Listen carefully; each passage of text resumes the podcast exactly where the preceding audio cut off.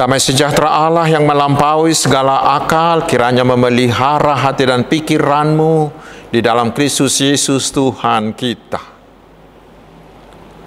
Amin. Selamat hari Minggu saudaraku. Saya yakin bahwa saudara-saudara dalam keadaan sehat dan bersuka cita di dalam Tuhan Yesus.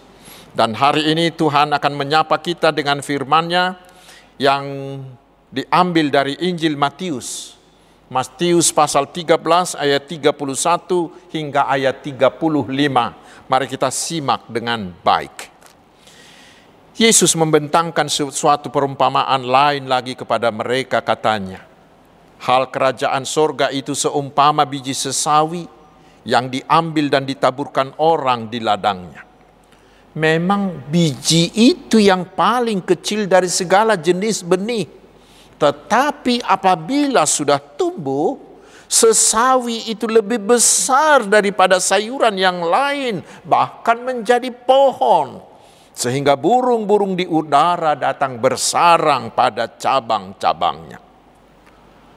Dan ia menceritakan perumpamaan ini, juga kepada mereka. Hal kerajaan sorga itu seumpama ragi yang diambil seorang perempuan dan diadukkan ke dalam tepung terigu tiga sukat sampai hamir seluruhnya. Semuanya itu disampaikan Yesus kepada orang banyak dalam perumpamaan. Dan tanpa perumpamaan, suatu pun tidak disampaikannya kepada mereka. Supaya genaplah firman yang disampaikan oleh Nabi. Aku mau membuka mulutku mengatakan perumpamaan Aku mau mengucapkan hal yang tersembunyi sejak dunia dijadikan. Demikian firman Tuhan. Saudara-saudaraku yang dikasihi Tuhan Yesus Kristus, mulai dari pasal 13 ini Yesus bukan lagi hanya mengajar di sinagoge, tetapi Yesus mengajar di jalan-jalan di bukit, kemudian di pasar, kemudian di tepi pantai dan di mana saja dan ternyata semakin banyak orang mengikuti dia. Dan di Matius 13 ini Yesus mulai mengajar dengan menggunakan perumpamaan. Hal yang lumrah bagi orang Yahudi. Karena dengan menggunakan perumpamaan, kebenaran bisa dilihat secara konkret. Hal yang abstrak bisa menjadi jelas kelihatan, menjadi konkret. Dan dengan perumpamaan, pendengar bisa lebih mudah memahami makna yang diajarkan. Karena apa yang dikatakan di perumpamaan itu biasanya familiar dengan mereka, sehingga mudah, pendengar mudah mengertinya. Dan dengan perumpamaan, pendengar akan lebih tertarik mendengarkan, karena orang lebih suka mendengarkan cerita. Saudaraku, perlu kita ketahui bahwa perumpamaan bukanlah alegori yang menerangkan sebuah cerita dengan mengambil setiap detil dari cerita tersebut. Tidak seperti itu. Tetapi perumpamaan diperbuat untuk menerangkan hanya satu makna saja. Saudaraku di pasal 13 ini Tuhan Yesus ingin mengajarkan perihal kerajaan sorga.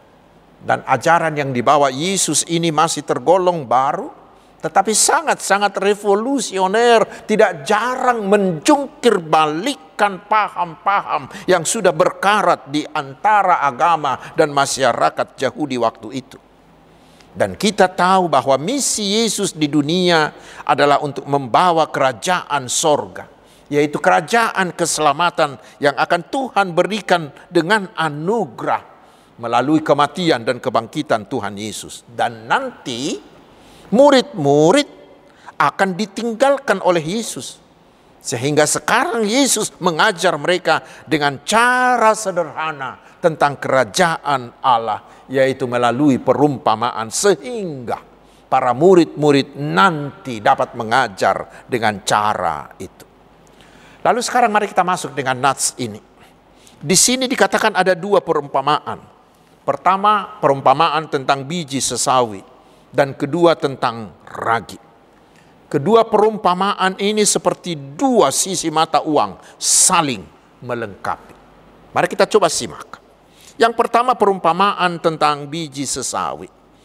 Kita tahu biji sesawi di Palestina itu sangat berbeda dengan sesawi di tempat lain apalagi Indonesia. Walaupun biji itu bukanlah biji yang terkecil, namun sangat sering biji sesawi ini sering digambarkan untuk menggambarkan hal-hal yang terkecil. Katanya besarnya hanya satu milimeter dan beratnya seperseribu gram.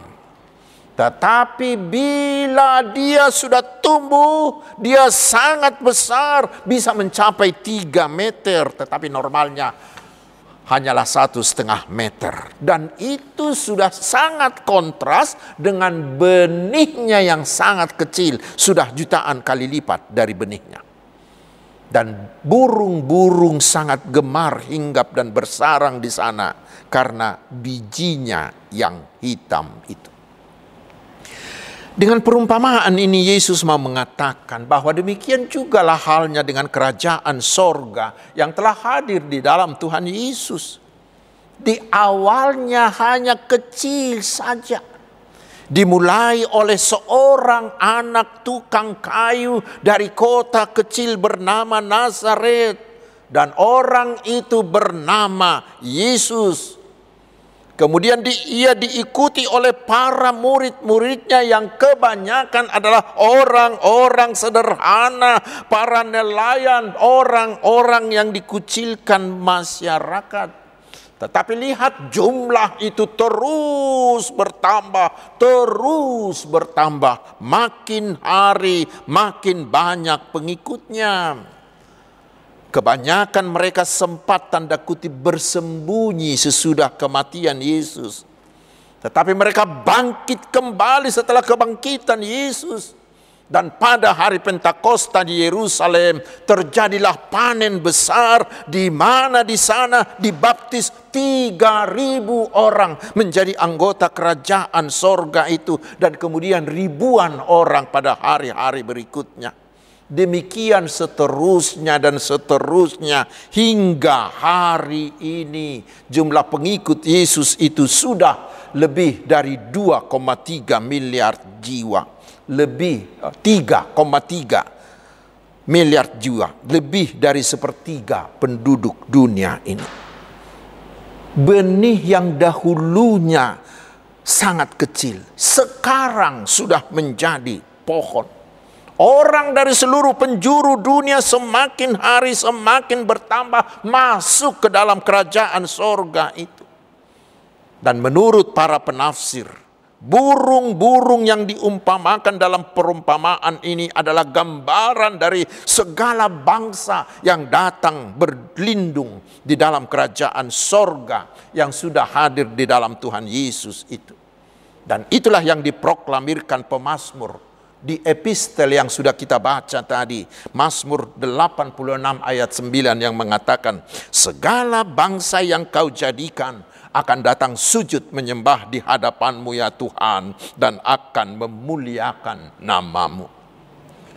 Saudara-saudaraku, Tuhan Yesus membuat perumpamaan ini kepada murid-murid, kepada pendengar-pendengar dan pada kita saat ini. Dengan yang bertujuan agar kita jangan pernah menja merasa kecil, merasa rendah hati. Yesus menyadari bahwa di sekeliling kita, di sekeliling murid-muridnya, pengikut-pengikutnya akan hadir pembenci-pembenci yang dengan segala upaya akan berusaha mematikan pertumbuhan benih kerajaan itu. Dengan perumpamaan ini Tuhan Yesus mau menguatkan hati mereka dan hati kita sekarang. Bahwa kerajaan sorga yang mereka dan kita ikuti itu sekarang memang masih kecil, akan selalu dibenci, akan selalu diusahakan untuk mati oleh kelompok-kelompok pembenci. Namun kelak kerajaan itu akan menjadi besar.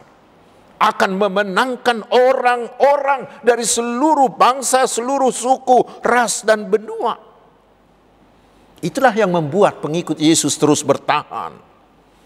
Kita tahu hampir sepanjang sejarah Kekristenan itu dibenci, dianiaya. Kita kenal nama Kaisar Nero, Kaisar Domitianus. Kita tahu satu milenium kekristenan dibungkam di Cina dan di Rusia. Dan dibalik semuanya itu pasti kita tahu ada satu kuasa, yaitu kuasa iblis yang terus berusaha agar nama Yesus dihapus dari muka bumi ini. Tetapi saudaraku sejarah membuktikan yang terjadi justru sebaliknya. Justru semakin dibabat, semakin merambat kerajaan sorga itu semakin hari semakin besar. Lalu pertanyaannya bagaimana itu terjadi? Bagaimana itu terjadi? Memang semua itu terjadi karena kuasa Roh Kudus. Roh Kudus itu menggerakkan hati orang-orang percaya untuk memberitakan Injil. Ketika murid-murid memberi diri dikuasai oleh Roh Kudus, maka hati mereka membara, berkobar-kobar untuk memberitakan Injil. Lalu terjadilah ledakan-ledakan penginjilan. Ingat saudaraku, bila semua orang percaya di sepanjang zaman dan di sepanjang di semua tempat setia melakukan tugas penginjilan ini, yaitu dengan memberi diri mereka dikobarkan oleh Roh Kudus, maka ledakan-ledakan penginjilan itu akan terus berlanjut Bangsa-bangsa yang belum mengenal kerajaan sorga akan datang berduyun-duyun dari seluruh dunia bernaung di bawah pohon keselamatan Tuhan Yesus itu. Itu yang pertama. Tetapi yang kedua, lalu sekarang kita masuk dengan perumpamaan yang kedua, yaitu tentang ragi. Kita pasti mengenalnya, terutama ibu-ibu yang suka membuat kue. Orang Yahudi sangat sering menggunakan ragi karena makanan utama mereka adalah roti.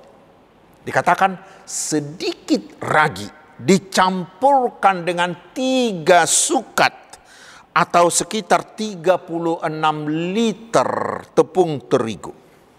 Tetapi lihat hasilnya. Walaupun ragi itu sangat sedikit ketimbang si tepung itu tetapi ternyata ragi itulah yang menang. Karena ragi yang sedikit itu kemudian mengubah, menghamiri tepung itu dan sehingga tepung itu siap dipanggang atau digoreng. Yang kecil mengubah yang besar. Saudara-saudaraku itulah yang terjadi dengan kekristenan pengajaran Yesus yang dimulai dari kota kecil di daerah Palestina kemudian mengubah seluruh dunia. Murid-murid dengan jumlah yang sangat kecil dan terdiri dari orang-orang sederhana itu kemudian dalam waktu singkat mengubah dunia. Dan bukan hanya itu saudaraku. Fakta sejarah membuktikan bahwa ajaran-ajaran kekristenan Itulah yang membuat perubahan perubahan di dunia ini.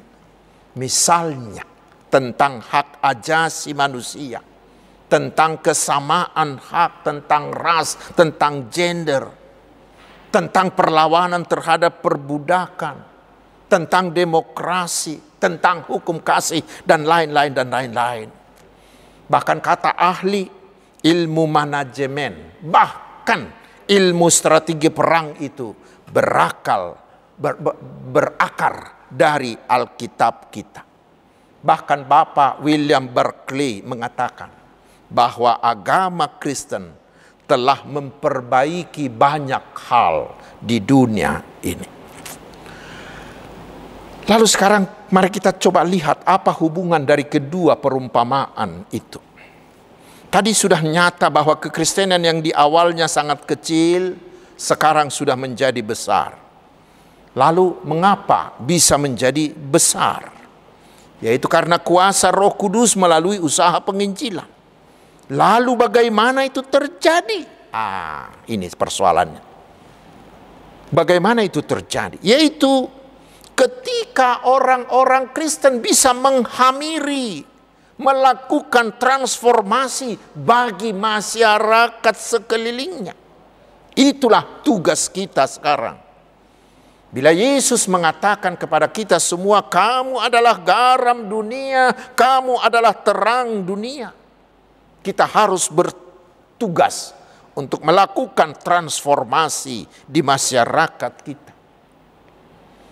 Dan itu sudah dilakukan sejak awal kekristenan. Coba lihat orang Kristen mula-mula itu memberitakan Injil dengan mengubah masyarakat melalui gaya dan sikap hidup mereka. Mari kita baca di kisah Rasul 2 ayat 47 dikatakan begini. Dan mereka disukai semua orang dan tiap-tiap hari Tuhan menambah jumlah mereka dengan orang yang diselamatkan. Coba lihat cara hidup mereka sebagai manusia baru, sebagai ciptaan baru yang telah lahir baru, telah menjadi transformer, telah menjadi pengubah bagi masyarakat di mana mereka ada. Itu yang membuat mereka, orang-orang di sekitarnya, menjadi tertarik mengikut Yesus. Saudaraku, itulah yang yang harus kita lakukan sekarang memberitakan Injil dengan tidak kelihatan. Memberitakan Injil tanpa suara, memberitakan Injil tanpa nama, memberitakan Injil tanpa gembar-gembor. Lalu melalui apa? Melalui gaya dan sikap hidup kita, yaitu hidup berkarakter Kristus. Bila semua orang Kristen di segala tempat mampu menunjukkan karakter Yesus di dalam hidupnya, seperti khotbah beberapa minggu yang lalu menjadi pelaku-pelaku firman Tuhan, pasti semua orang akan tertarik dan akan mau menerima Tuhan Yesus menjadi Tuhan dan juru selamatnya. Sehingga bagi mereka kekristenan bukan hanya sekedar KTP saja, bukan sekedar ajaran saja, bukan sekedar dogma saja, tetapi kekristenan akan mereka lihat kekristenan itu adalah hidup. Saudara-saudaraku dengan perumpamaan dan kedua perumpamaan ini kita diberi dorongan juga atau sedikitnya diberi pengharapan agar kita jangan berkecil hati bila sekarang jumlah kita masih sedikit sehingga kita sering dilecehkan kita sering didiskriminasi, bahkan sering dibenci.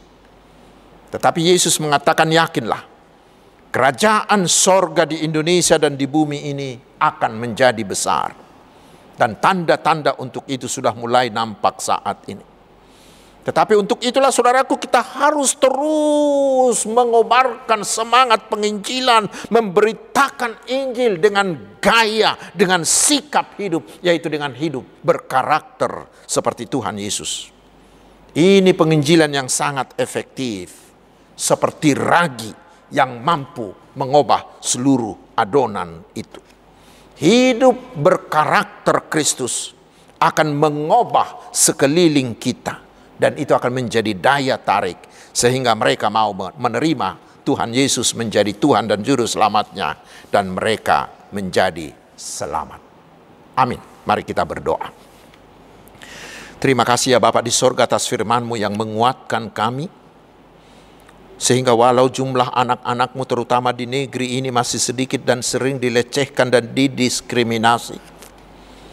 Tetapi oleh kuasa rohmu kerajaanmu di Indonesia ini akan terus membesar. Karena itu kuatkanlah kami anak-anakmu. Agar kami selalu hidup berkarakter seperti Tuhan Yesus. Sehingga gaya dan sikap hidup kami menjadi berita Injil yang menarik hati orang untuk percaya kepada Yesus. Sehingga kerajaanmu semakin meluas. Karena itu ya Tuhan kami memohon Berkatilah seluruh pelayanan para hambamu terutama usaha penginjilan di negeri ini. Berilah pintu yang terbuka bagi Injilmu akan agar semakin banyak orang yang percaya dan diselamatkan. Ya Bapak yang maha pemurah, berkatilah kami umatmu ini dalam seluruh bidang kehidupan kami. Berikanlah kami hikmatmu sehingga kami bisa menjalani kehidupan kami dengan baik seturut kehendakmu Dan kami bisa memenangkan setiap pergumulan, setiap tantangan dan rintangan. Dan kami bisa tetap hidup dalam sukacita penuh ucapan syukur. Terpujilah namamu ya Tuhan, kekal selama-lamanya. Di dalam nama Tuhan Yesus kami berdoa, tetapi kehendakmu lah yang jadi. Amin.